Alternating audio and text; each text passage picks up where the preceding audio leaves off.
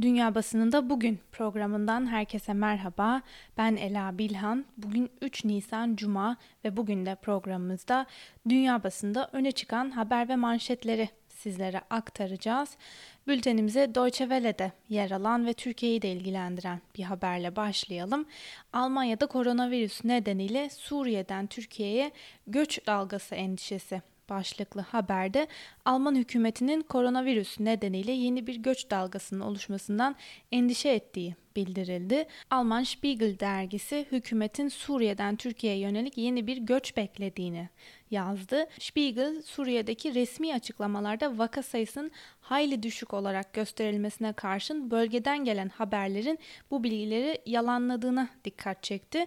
Spiegel, e, Şam'da doktor olarak çalışan bir kadının sadece görev yaptığı hastanede 50 kişinin koronavirüs nedeniyle öldüğü bilgisini verdiğini yazdı. Dergiye açıklama yapan doktor yeterli ilacımız yok, hastaları karantinaya alacak yerimiz yok, insanlar ölüyor ve sonra onların zatürreye yakalandıkları söyleniyor diye konuştu. Spiegel ve Syrian Context adlı internet portalı tarafından yapılan araştırmaya göre COVID-19 Suriye'de de hızla yayılıyor. Ancak hükümetin bu konuda konuşmayı yasakladığı için salgınla ilgili gerçeklerin gün yüzüne çıkmadığı kaydedildi. Gizli rapora göre koronavirüs salgını Suriye Devlet Başkanı Beşar Esad'a yarayacak. Raporda Esad'ın olası bir salgın karşısında Avrupalıların yeni bir göç dalgasının oluşacağı yönündeki korkularını istismar ettiğine dikkat çekilerek böylece uluslararası yaptırımların bir kısmının kalkması ve halka yardım ulaştırılması amaçlanıyor görüşü dile getirildi denilmiş haberde. Sıradaki haberimize geçelim. Avrupa Birliği'nden İtalya'ya özür mektubu artık yanınızdayız. Avrupa Birliği koronavirüs salgınından en ağır etkilenen ve yalnız bırakıldığını düşünen İtalya'dan özür diledi. Avrupa Birliği Komisyonu Başkanı Ursula von der Leyen İtalyan La Repubblica gazetesine bir makale yazarak birliğin İtalya ile başlangıçta yeterince dayanışma göstermediğini kabul etti. Pandemiyi sadece hep beraber birlik olarak yenebileceğimizi fark etmediler. Bu inciticiydi ve bundan kaçınılabilirdi ama bugün Avrupa İtalya'nın yanındadır ifadelerini kullandı denilmiş haberde. Sıradaki haberimize geçelim. Ee, korona ile ilgili yalan haber veren devletlere tepki başlıklı haberde Almanya Dışişleri Bakanı Heiko Maas korona kriziyle ilgili bazı devletler tarafından yanlış bilgiler verildiğini belirterek NATO ve Avrupa Birliği'nin bu tür dezenformasyonlara karşı kendilerini savunmaları gerektiğini söyledi. Maas kasıtlı dezenformasyon kampanyalarının NATO Dışişleri Bakanları arasında da ele alınacağını ve şüpheli durumlar olması halinde NATO ve Avrupa Birliği tarafından eyleme geçilebileceğini söyledi. Özellikle Rusya ve Çin korona krizinin kendi bölgelerindeki etkileri konusunda doğru bilgiler paylaşmayarak krizi devlet propagandası ile istismar konusu haline getirmekle suçlanıyor denilmiş haberde. Deutsche Welle Türkçe'ye konuşan Fransa Acil Servis Doktorları Derneği sözcüsü Doktor Protom hasta sayısı nedeniyle kırılmanın eşiğine geldiklerini söyledi. Açıklamasında durum çok gergin özellikle önde gelen dünya metropollerinden birisi olan Paris'te e, Bugün yoğun bakımda yataklarımız doyma noktasına gelmiş durumda. Hükümet her zaman geç kalıyor biz hastanelerin materyal, yatak sayısı ve personel sayısı bakımından bu ölçekte bir krizi karşılamayacağını söyledik. Sonra bize maske stokları hakkında yalan söylediler. Maske stokları yenilenmedi. Zaten 15 yıldır her kış, her yaz, her tatil döneminde her hafta sonunda yoğun bakım yatak sayımız eksikti. Böyle çok yüksek dramatik sayıda hastalı bir krizle karşılaşınca kırılmanın eşiğine geldik ifadelerine yer verilmiş haberde. Euronews'ta yer alan birkaç haberi de sizlere aktaralım. Avrupa Barolar Birliği'nden Erdoğan'a mektup, cezaevlerinde bulunan 300 avukat serbest bırakılsın başlıklı haberde 45 ülkeyi temsil eden Avrupa Barolar Birliği mektupta Türkiye'de hala 300 avukat siyasi ve terör suçlarından cezaevlerinde bulunuyorlar. Avrupa Barolar Birliği bu konuda daha önce de birçok kez endişelerini dile getirmişti. Avukatların terörist olarak suçlanmamasını istiyoruz. Zira sadece işlerini yaptılar. Cezaevlerinde avukatları koronavirüsten korumak neredeyse imkansız. hükümetin sorumluluklarını üstlenmesini istiyoruz ifadeleri yer aldı. Geçtiğimiz günlerde de Avrupa Parlamentosu Türkiye raportörü Nacho Sanchez Amor ve Avrupa Birliği Türkiye Karma, Karma Parlamentosu Komitesi eş başkanı Sergey Lagadonski e, hükümete çağrıda bulunarak bütün mahkumlara eşit davranılması gerektiğini, yüzlerce gazeteci, avukat ve akademisyeni serbest bırakmanın tam zamanı olduğunu ifade etmişlerdi denilmiş haberde. Finlandiya'dan bir haber var. Covid-19 salgını dünyanın en sağlam sosyal yardım sistemlerinden birine sahip Finlandiya'da da kendini hissettirmeye başladı. Finlandiya'da sosyal güvenlik sistemi kitlendi. 300 bin kişi işsiz başlıklı haberde koronavirüs salgınından dolayı ülkede fabrikaların üretimi durdurmasından dolayı toplam 300 bin kişi Mars'sız izne ayrıldı ya da işlerinden çıkarıldı. Bu kişilerin büyük bir kısmı devlet yardımından faydalanmayı bekliyorlar. Fakat Sosyal Yardım Kurumu ilk işsizlik maaşlarının en erken 2021'de ödenebileceğini açıkladı.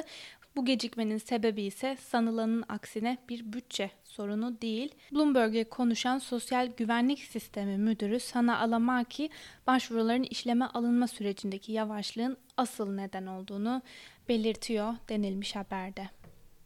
Brüksel'de 9 hastaneden hükümete çağrı, durum çok kötü, acilen ilaç ve ekipmana ihtiyacımız var başlıklı bir diğer haberde ise Belçika'nın başkenti Brüksel'de aralarında özel ve devlet hastanelerinin de bulunduğu 9 hastane ortak yazılı açıklama yayımlayarak hükümet yetkilileri hastanelerin ekipman ve ilaç ihtiyacını acilen karşılamaları karşılamalı Yetkililer bu duruma kör ve sığır sadece 3 günlük malzememiz kaldı ifadelerini kullandı denilmiş haberde. Sıradaki haberimize geçelim. Covid-19'u ilk kez dünyaya duyuran Çinli gazeteciler ardı ardına ortadan kayboluyor. Başlıklı haberde Çin'de koronavirüs salgınını en başında ilk defa dünyaya duyuran yurttaş gazetecilerden ise bugün haber alınamıyor. Çin İnsan Hakları Savunucuları örgütüne göre Çin'de en az 350 kişi salgınla ilgili söylenti yaydığı suçlamasıyla cezalandırıldı. Örneğin kayıp gazetecilerden Chen Klushi salgın öncesi de tanınan bir avukattı. Klushi yakınlarını kaybetmiş kişilerle görüşüyor. Karantina merkezlerinin ve tedavi bekleyen hastaların durumunu izleyiciye aktarıyordu. Chen Kushi 30 Ocak'ta yaptığı açıklamada korkuyorum önümde virüs var ama arkamda da Çin devleti var demişti. Fakat ailesi ve arkadaşları 6 Şubat'tan beri Kushi'ye ulaşamıyor.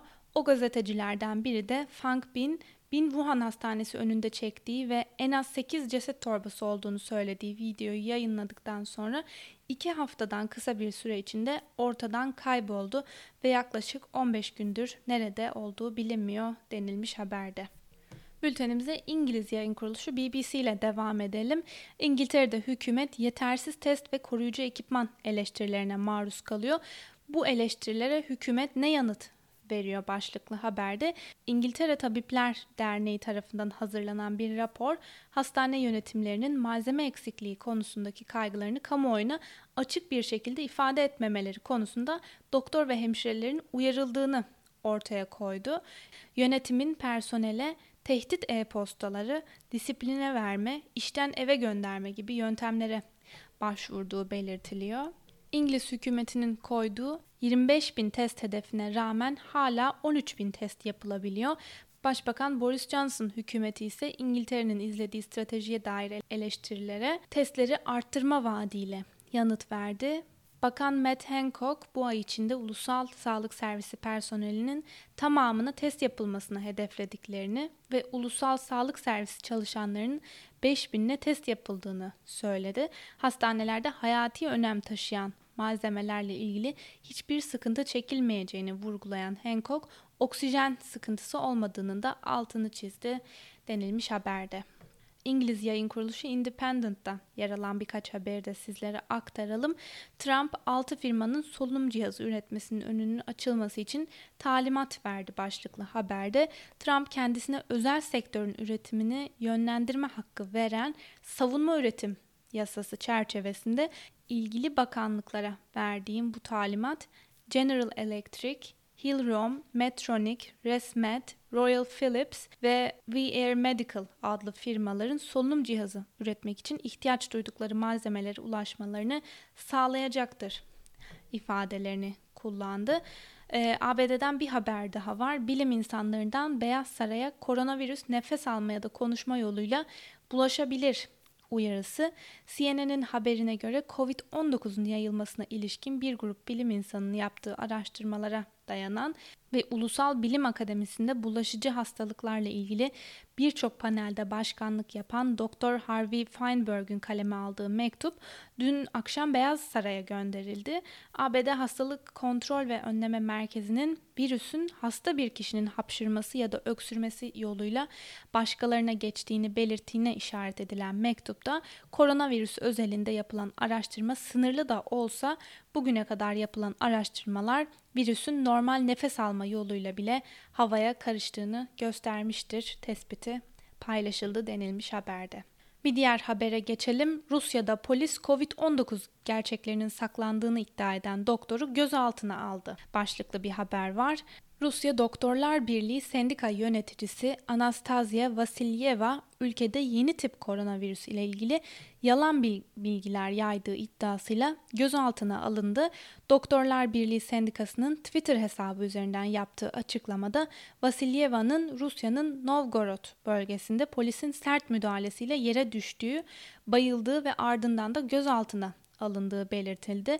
Vasilyeva daha önce de COVID-19 salgınının gerçek boyutunun gizlendiğini ve vakaların kayıtları zatüre olarak geçirildiğini ileri sürmüştü denilmiş haberde. Rus haber ajansı Sputnik'te yer alan birkaç haberi de göz atalım. E, Rusya Federal Biyomedikal Ajansı enfeksiyon hastalıkları baş uzmanı Vladimir Nikiforov, Rusya'da yeni tip koronavirüs salgınının 10 ila 12 hafta sonra sona ereceğini belirtti. Ulusa sesleniş konuşması yapan Rusya Devlet Başkanı Putin, ücretli tatil süresinin ay sonuna kadar yani 30 Nisan'a kadar uzatıldığını belirtti. Öte yandan Rusya'nın yaşlıları korumayı ve kreşlerde salgının önlenmesini başar, başardıklarını kaydeden Putin, Moskova'da koronavirüs salgını ile ilgili durumu tersine çevirmeyi henüz başaramadıklarının altını çizdi. Moskova'da koronavirüs kısıtlamalarının 1 Mayıs'a kadar uzatıldığını söyledi. Öte yandan Rusya Başbakanı Mihail Mishustin hükümetin hava taşımacılığı, turizm, yemek sektörü, spor ve eğitim öncesi alanlarda istihdamı desteklemek ve korumak için 2.6 milyar ruble tahsis edileceğini de söyledi denilmiş haberde. Yine Rus basından Moscow Times ise ülkenin ekonomisine dair bir haberi gündemine taşımış. Haberde uzmanların Rusya'nın Nisan ayı boyunca Covid-19 sebebiyle karantina önlemlerini sürdürecek olmasının ekonomide bir felaket yaratacak olmasından endişe duydukları belirtilmiş. Rusya Devlet Başkanı Putin'in ücretli tatili Nisan ayının sonuna kadar uzatması nedeniyle büyüme oranları çökecek ve işsizlik rakamları hızla yükselecek denilmiş haberde. Ve son olarak Bloomberg'de ekonomiye dair paylaşılan birkaç haberi de sizlere aktaralım. ABD'de işsizlik maaşına başvuranların sayısı geçen haftaki rekorunu da ikiye katlayarak 6.6 milyona yükseldi. Başvurular böylece son iki haftada toplam 10 milyona ulaştı. Beklenti başvuruların 3.7 milyon olmasıydı. Bugünkü rakam tüm analiz tahminlerinin de üzerinde gerçekleşti. Ülkede koronavirüs vakaları ve ölenlerin sayısının da artmasıyla şirketlerin ve fabrikaların kepenk indirmesi başvuruların rekor seviyeye çıkmasında etkili oldu denilmiş haberde. ABD hisseleri işsizlik sonrası dalgalandı başlıklı bir diğer haberde.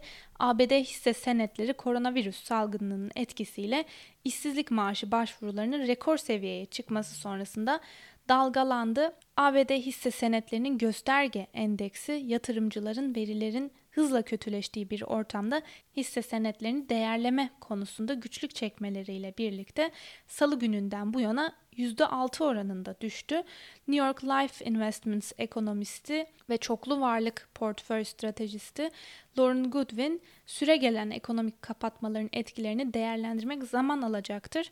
Piyasalar bu süreç boyunca bu şekilde seyredecek dedi denilmiş haberde. Alman ekonomisine dair de bir haber var. Almanya Maliye Bakanı Peter Altmaier ülke ekonomisinin %5 üzerinde daralabileceğini söyledi. Almanya ekonomisi koronavirüs salgını nedeniyle finansal kriz döneminden daha derin bir resesyon riskiyle karşı karşıya. Ölümcül virüs nedeniyle zor durumda olan Avrupa'nın en büyük ekonomisi için Başbakan Angela Merkel hükümetinin %1.1 olan büyüme tahminlerini de düşürmesi bekleniyor denilmiş haberde. Ve son haberimiz küresel piyasalar hisseler geriledi, petrol kazançlarını azalttı başlıklı bir haber var. Tüm dünyada birçok ülkede karantinaların devam etmesi beklenirken ekonomik verilerin etkisinin derinliğini gösteriyor. ABD'de geçen iki haftada neredeyse 10 milyon kişi işini kaybetti. Bu rakam tüm 2008-2009 resesyonunda kaybedilen iş gücünden daha fazla Franklin Templeton hisse senedi birimi yöneticisi Steven Dover e, Bloomberg Television ile gerçekleştirdiği mülakatta enfekte sayısında ve ölümlerde zirveyi görmeden piyasada gerçek bir toparlanma olmayacaktır. Bu belirsizliği atlatmadan volatilite yüksek kalmaya devam edecek dedi denilmiş haberde. Sevgili Özgürüz Radyo dinleyicileri bu haberle birlikte bugünkü programımızın da sonuna geldik. Pazartesi günü aynı saatte görüşmek dileğiyle şimdilik hoşçakalın.